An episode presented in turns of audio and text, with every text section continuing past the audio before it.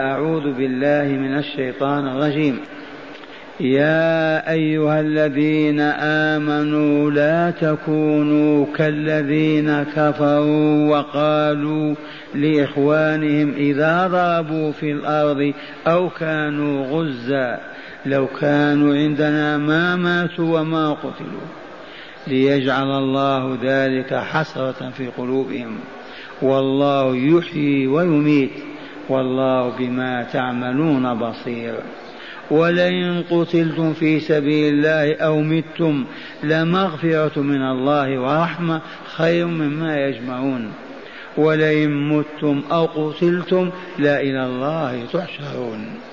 اولا أيها المستمعون والمستمعات هذا النداء الموجه إلى المؤمنين من وجهه إليهم؟ الله هذا كلامه هذا كتابه ونحن أولياءه وعبيده. الحمد لله. من أسعد منا؟ الحمد لله. هل تذكرون يا من درستم نداءات الرحمن؟ أن الرحمن عز وجل إذا نادى عباده المؤمنين لا يناديهم إلا لواحد من أربعة. هنا ناداهم لينهاهم. عما يسيء إليهم ويضر بهم عما يرضيهم ويشقيهم. وناداهم بعنوان الإيمان لأن الإيمان بمثابة الطاقة بل بمثابة الروح. لا حياة بدون روح لا حياة حق بدون إيمان حق. نادانا يا أيها الذين آمنوا لينهانا بقول لا تكونوا. هذه اللام ناهية ولا لا؟ لا تكونوا كالذين كفروا. من المنافقين واليهود والنصارى والمشركين والبوذا والشيوعيين وككل الكافرين. لكن هنا لأن السياق ما زال في غزوة أحد وما ترتب عليها من تعاليم وهدايات. فالذين كفروا هنا المنافقون وهم كافرون. إلا أنهم يبطنون الكفر ويظهرون الإيمان. فكشف الله الغطاء عنهم وعلمهم أنهم كافرون. ينهاهم أن يكونوا كالذين كفروا في أي شيء.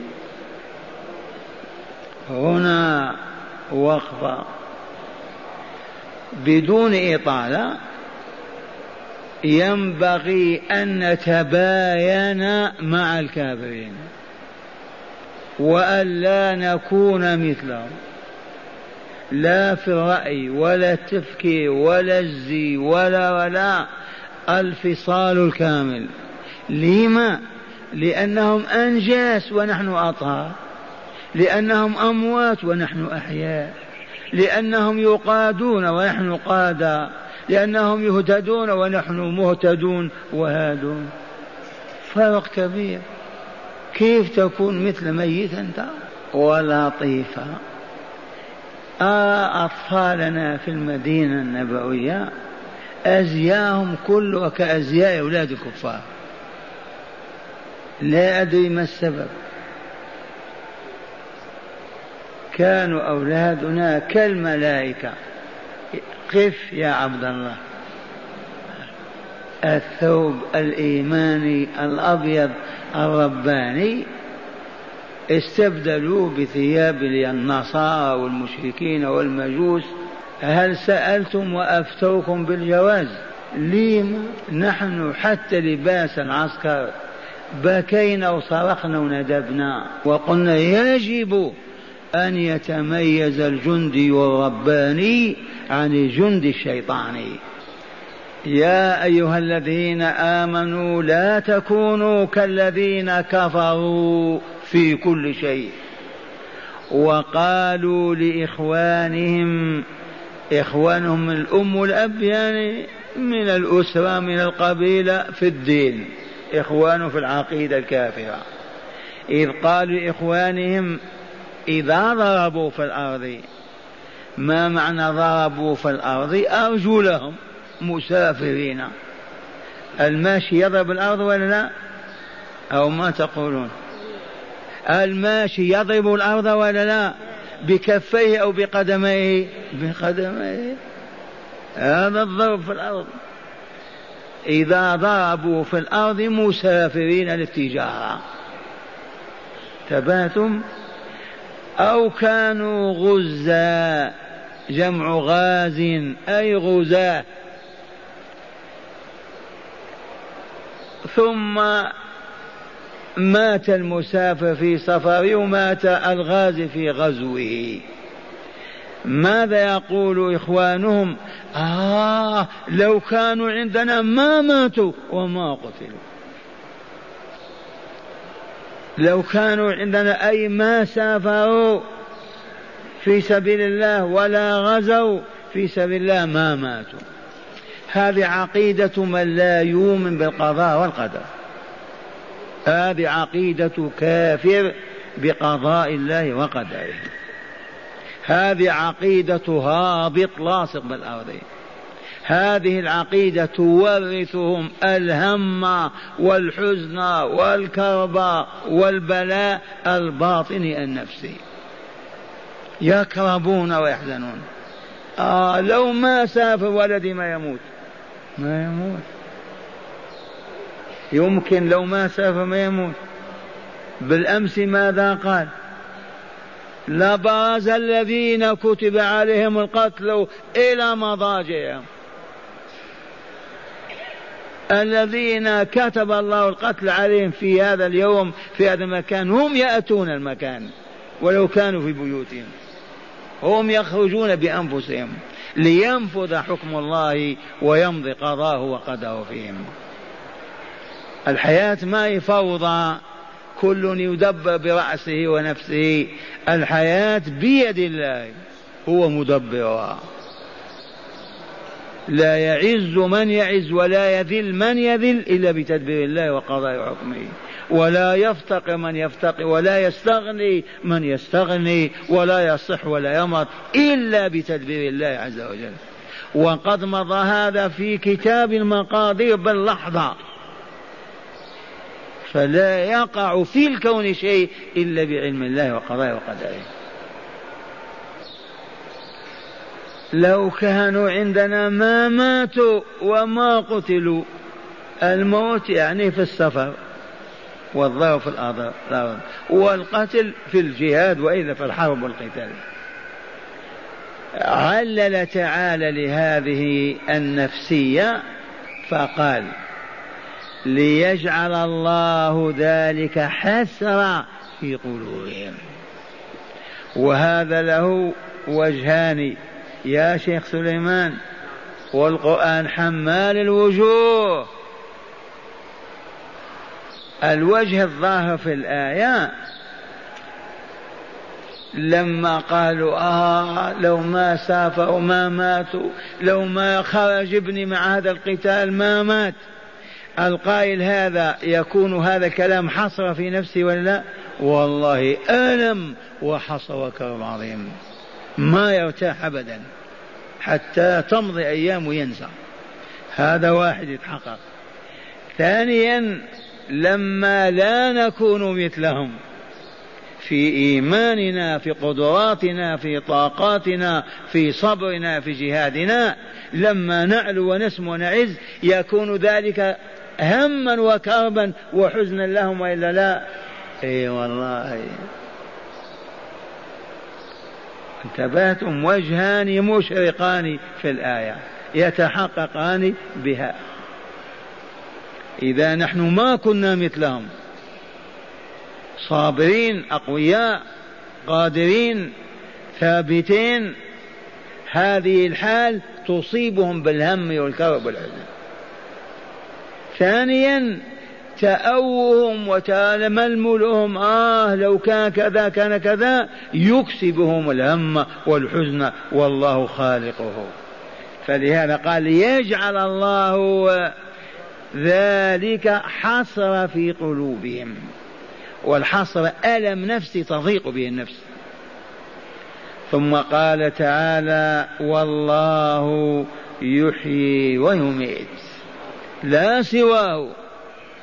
والله جل جلاله وعظم سلطانه يحيي من يحيي ويميت من يميت فلا محيي ولا مميت إلا الله. ثالثا والله بما تعملون بصير. يا أيها المؤمنون يا من دعيتم إلى أن لا تكونوا كالذين كفروا في أزيائهم في معتقداتهم في آمالهم في حياتهم كلها. اعلموا أن الله بما تعملون بصير. وعيد هذا ووعد. إن استجبتم لما دعاكم إليه إذا فأنتم في خير حال وأسعدها وإن رفضتم فسوف ينزل بكم البلاء والشقاء لأنه بما تعملون بصير. مطلع. الله أكبر. هكذا يربينا الله عز وجل. إيه نعم تربينا أيام كنا نقرأ القرآن ونتدبره لما حولنا أهل الموت متنا كالأموات. ما يتدبر أحد كلام الله. وقوله تعالى في الآية الثانية الأولى انتهت يقول في الآية الثانية اسمعوا ولئن قتلتم وعزتنا وجلالنا لو إن قتلتم في سبيل الله أو متم أو ما تريد متم بالكسرة. متم ومتم قراءتان سبعيتان لغتان فصحتان. ولئن قتل ولئن قتلتم في سبيل الله أو متم لمغفرة من الله ورحمة خير مما تجمعون. قراءة سبعية. وخير مما يجمع المشركون والكافرون. ترغيب في الجهاد في سبيل الله. ارتفعوا أيها المؤمنون إلى مستواكم اللائق بكم. وعزتنا وجلالنا لئن قتلتم في سبيل الله أو متم في الطريق لأن القتل يكون بالسيف والرمح وقد يموت بدون ذلك وهو في طريقه. لا مغفرة جواب لئن مغفرة من الله تزيل كل أثر من نفوسكم ورحمة تغمركم وتدخلكم دار السلام خير مما يجمع الكفار من مل من مليارات من البنوك كلها. الحمد لله. لكن هيا نموت في سبيل الله أو نقتل.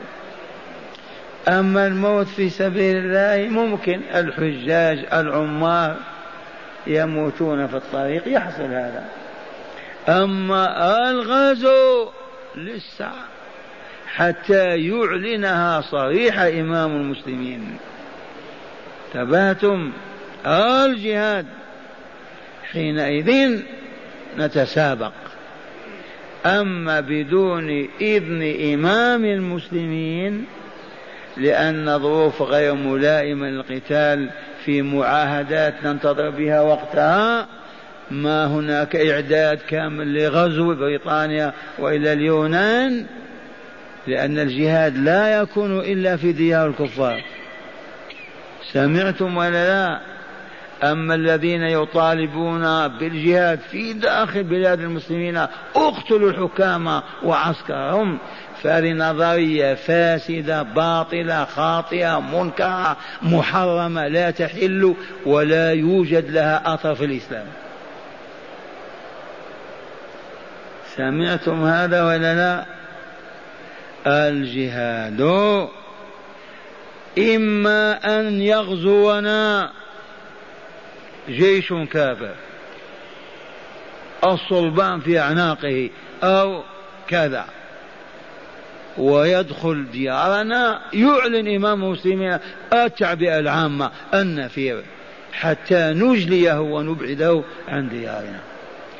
وإما أننا تهيأنا واستعددنا وأصبحنا قادرين حينئذ ترسو سفننا أو يصل الإعلان منا إلى تلك الدولة المجاورة لنا وهي مسيحية أو يهودية أو مجوسية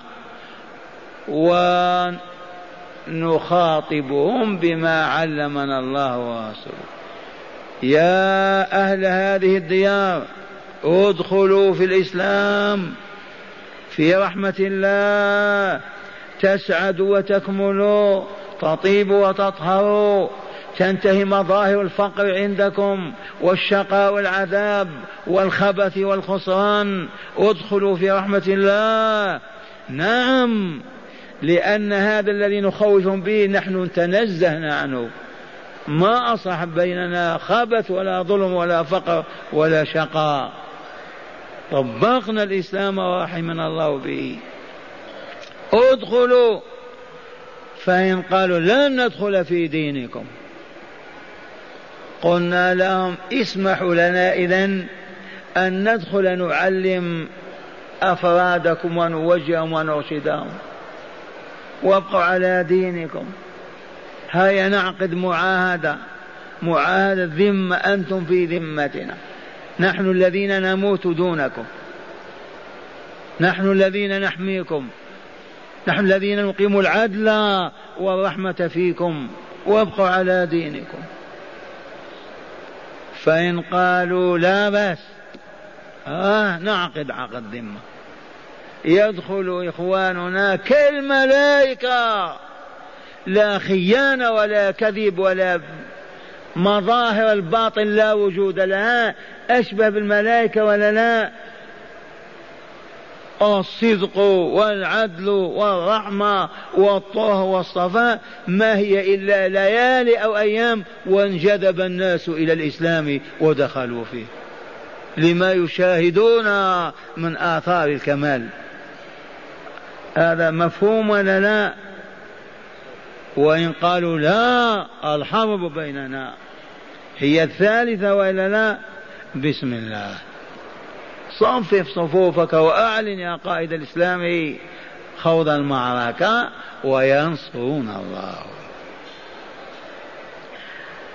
ودليل هذا يا أيها الذين آمنوا قاتلوا الذين يلونكم من الكفار وليجدوا فيكم غلظة واعلموا أن الله مع المتقين.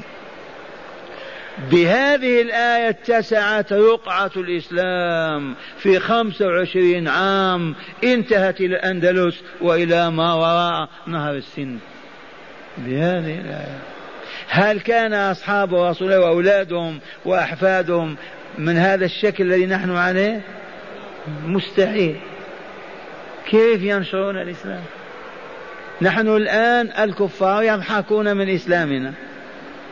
تباتم الأصوليين والمتطرفين يقتلون يذبحون يحرقون.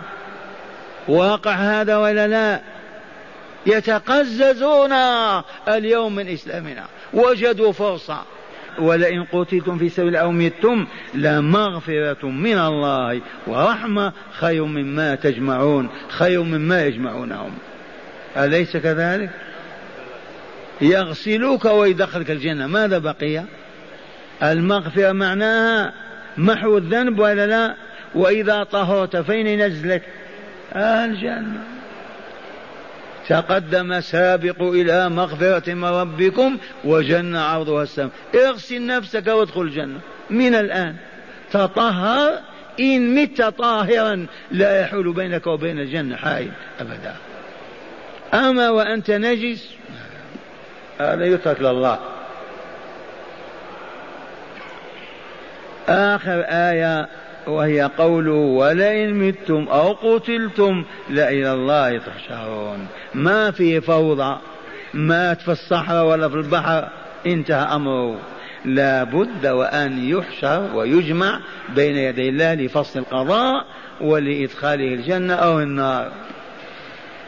لكن قول ولئن متم أو قتلتم مطلقا لا في سبيل الله ولا من مات أو قتل ليس معناه أنه ضاع وتلاشى في الحياة وما بقي له وجود.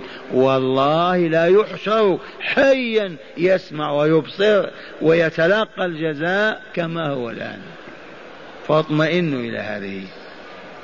ولئن متم أو قتلتم لإلى الله تحشرون وتجمعون بين يديه ليحكم ويفصل ويدخل المحسنين الجنة ويدخل المسيئين النار. هذا عالم للشقاء هذا عالم الربح والجزاء. الآن فهمتم تقريب معنى الآيات؟ اسمعوها مشروحة. قال ما زال السياق في أحداث غزوة أحد ونتائجها المختلفة ففي هذه الآية ينادي الله المؤمنين الصادقين في إيمانهم بالله ورسوله ووعد الله تعالى ووعيده. يناديهم لما؟ لينهاهم عن الاتصاف بصفات الكافرين النفسية. ومن ذلك قول الكافرين لإخوانهم في الكفر إذا هم ضربوا في الأرض للتجارة أو لغزو فمات من مات منهم أو قتل من قتل بقضاء الله وقدره يقولون لو كانوا عندنا أي ما فارقونا وبقوا في ديارنا ما ماتوا وما قتلوا. وهذا دال على نفسية الجهل ومرض الكفر. وحسب سنة الله تعالى فإن هذا القول منهم يتولد لهم عنه بإذنه تعالى يتولد لهم آه، غم نفسي وحسرات قلبية تمزقهم وقد تؤدي بحياتهم. وما درى أولئك الكفر الجهال أن الله يحيي ويميت فلا السفر ولا القتال يميتان ولا القعود في البيوت جبنا وخورا يحيي. هذا معنى قوله تعالى في هذه الآية يا أيها الذين آمنوا لا تكونوا كالذين كفروا وقالوا لإخوانهم إذا ضربوا في الأرض أو كانوا غزا لو كانوا عندنا ما ماتوا وما قتلوا ليجعل الله ذلك حسرة في قلوبهم والله يحيي ويميت. وقوله تعالى في ختام هذه الآية والله بما تعملون بصير فيه وعد للمؤمنين. إن انتهوا عما نهاهم عنه في الآية وفيه وعيد إن لم ينتهوا فيجزيهم بالخير خيرا وبالشر إلا أن يعفو شرا. أما الآية الثانية فإن الله تعالى يبشر عباده المؤمنين مخبرا إياهم بأنهم إن قتلوا في سبيل الله أو ماتوا فيه يغفر لهم ويرحمهم. وذلك خير مما يجمع الكفار من حطام الدنيا. ذلك الجمع ذلك الجمع للحطام الذي جعلهم يجبنون عن القتال والخروج في سبيل الله.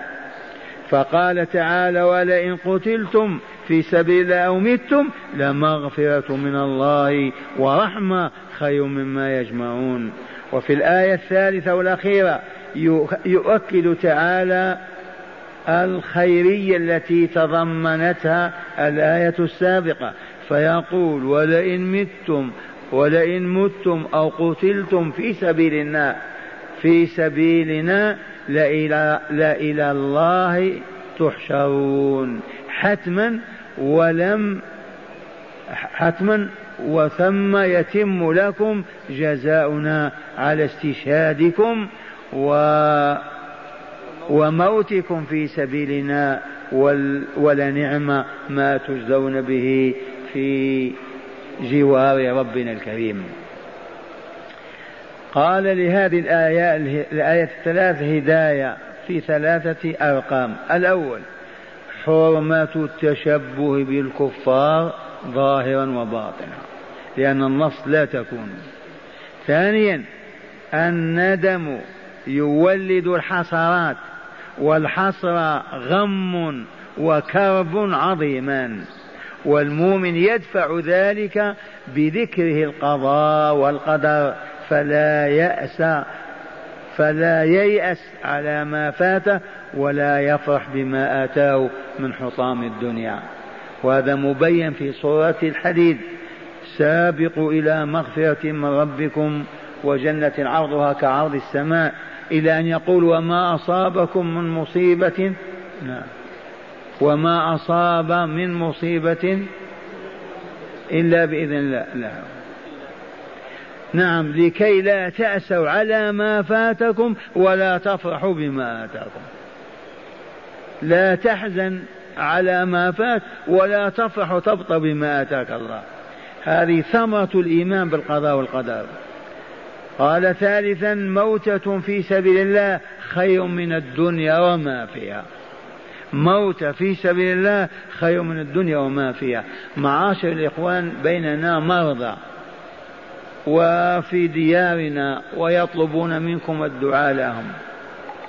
هيا ندعو ولنا أجر دعانا ولنا أمل ورج في الله أن يستجيب لنا ويشفي هؤلاء المؤمنين والمؤمنات. اللهم يا ولي المؤمنين ويا متولي الصالحين. يا ربنا يا ربنا يا ربنا. هذه أكفنا قد رفعناها إليك ضارعين سائلين. فلا تردها خائبة يا رب العالمين. فاشفي اللهم هؤلاء المرضى. الذين طلبوا منا أن ندعوك لهم لتشفيهم يا رب العالمين.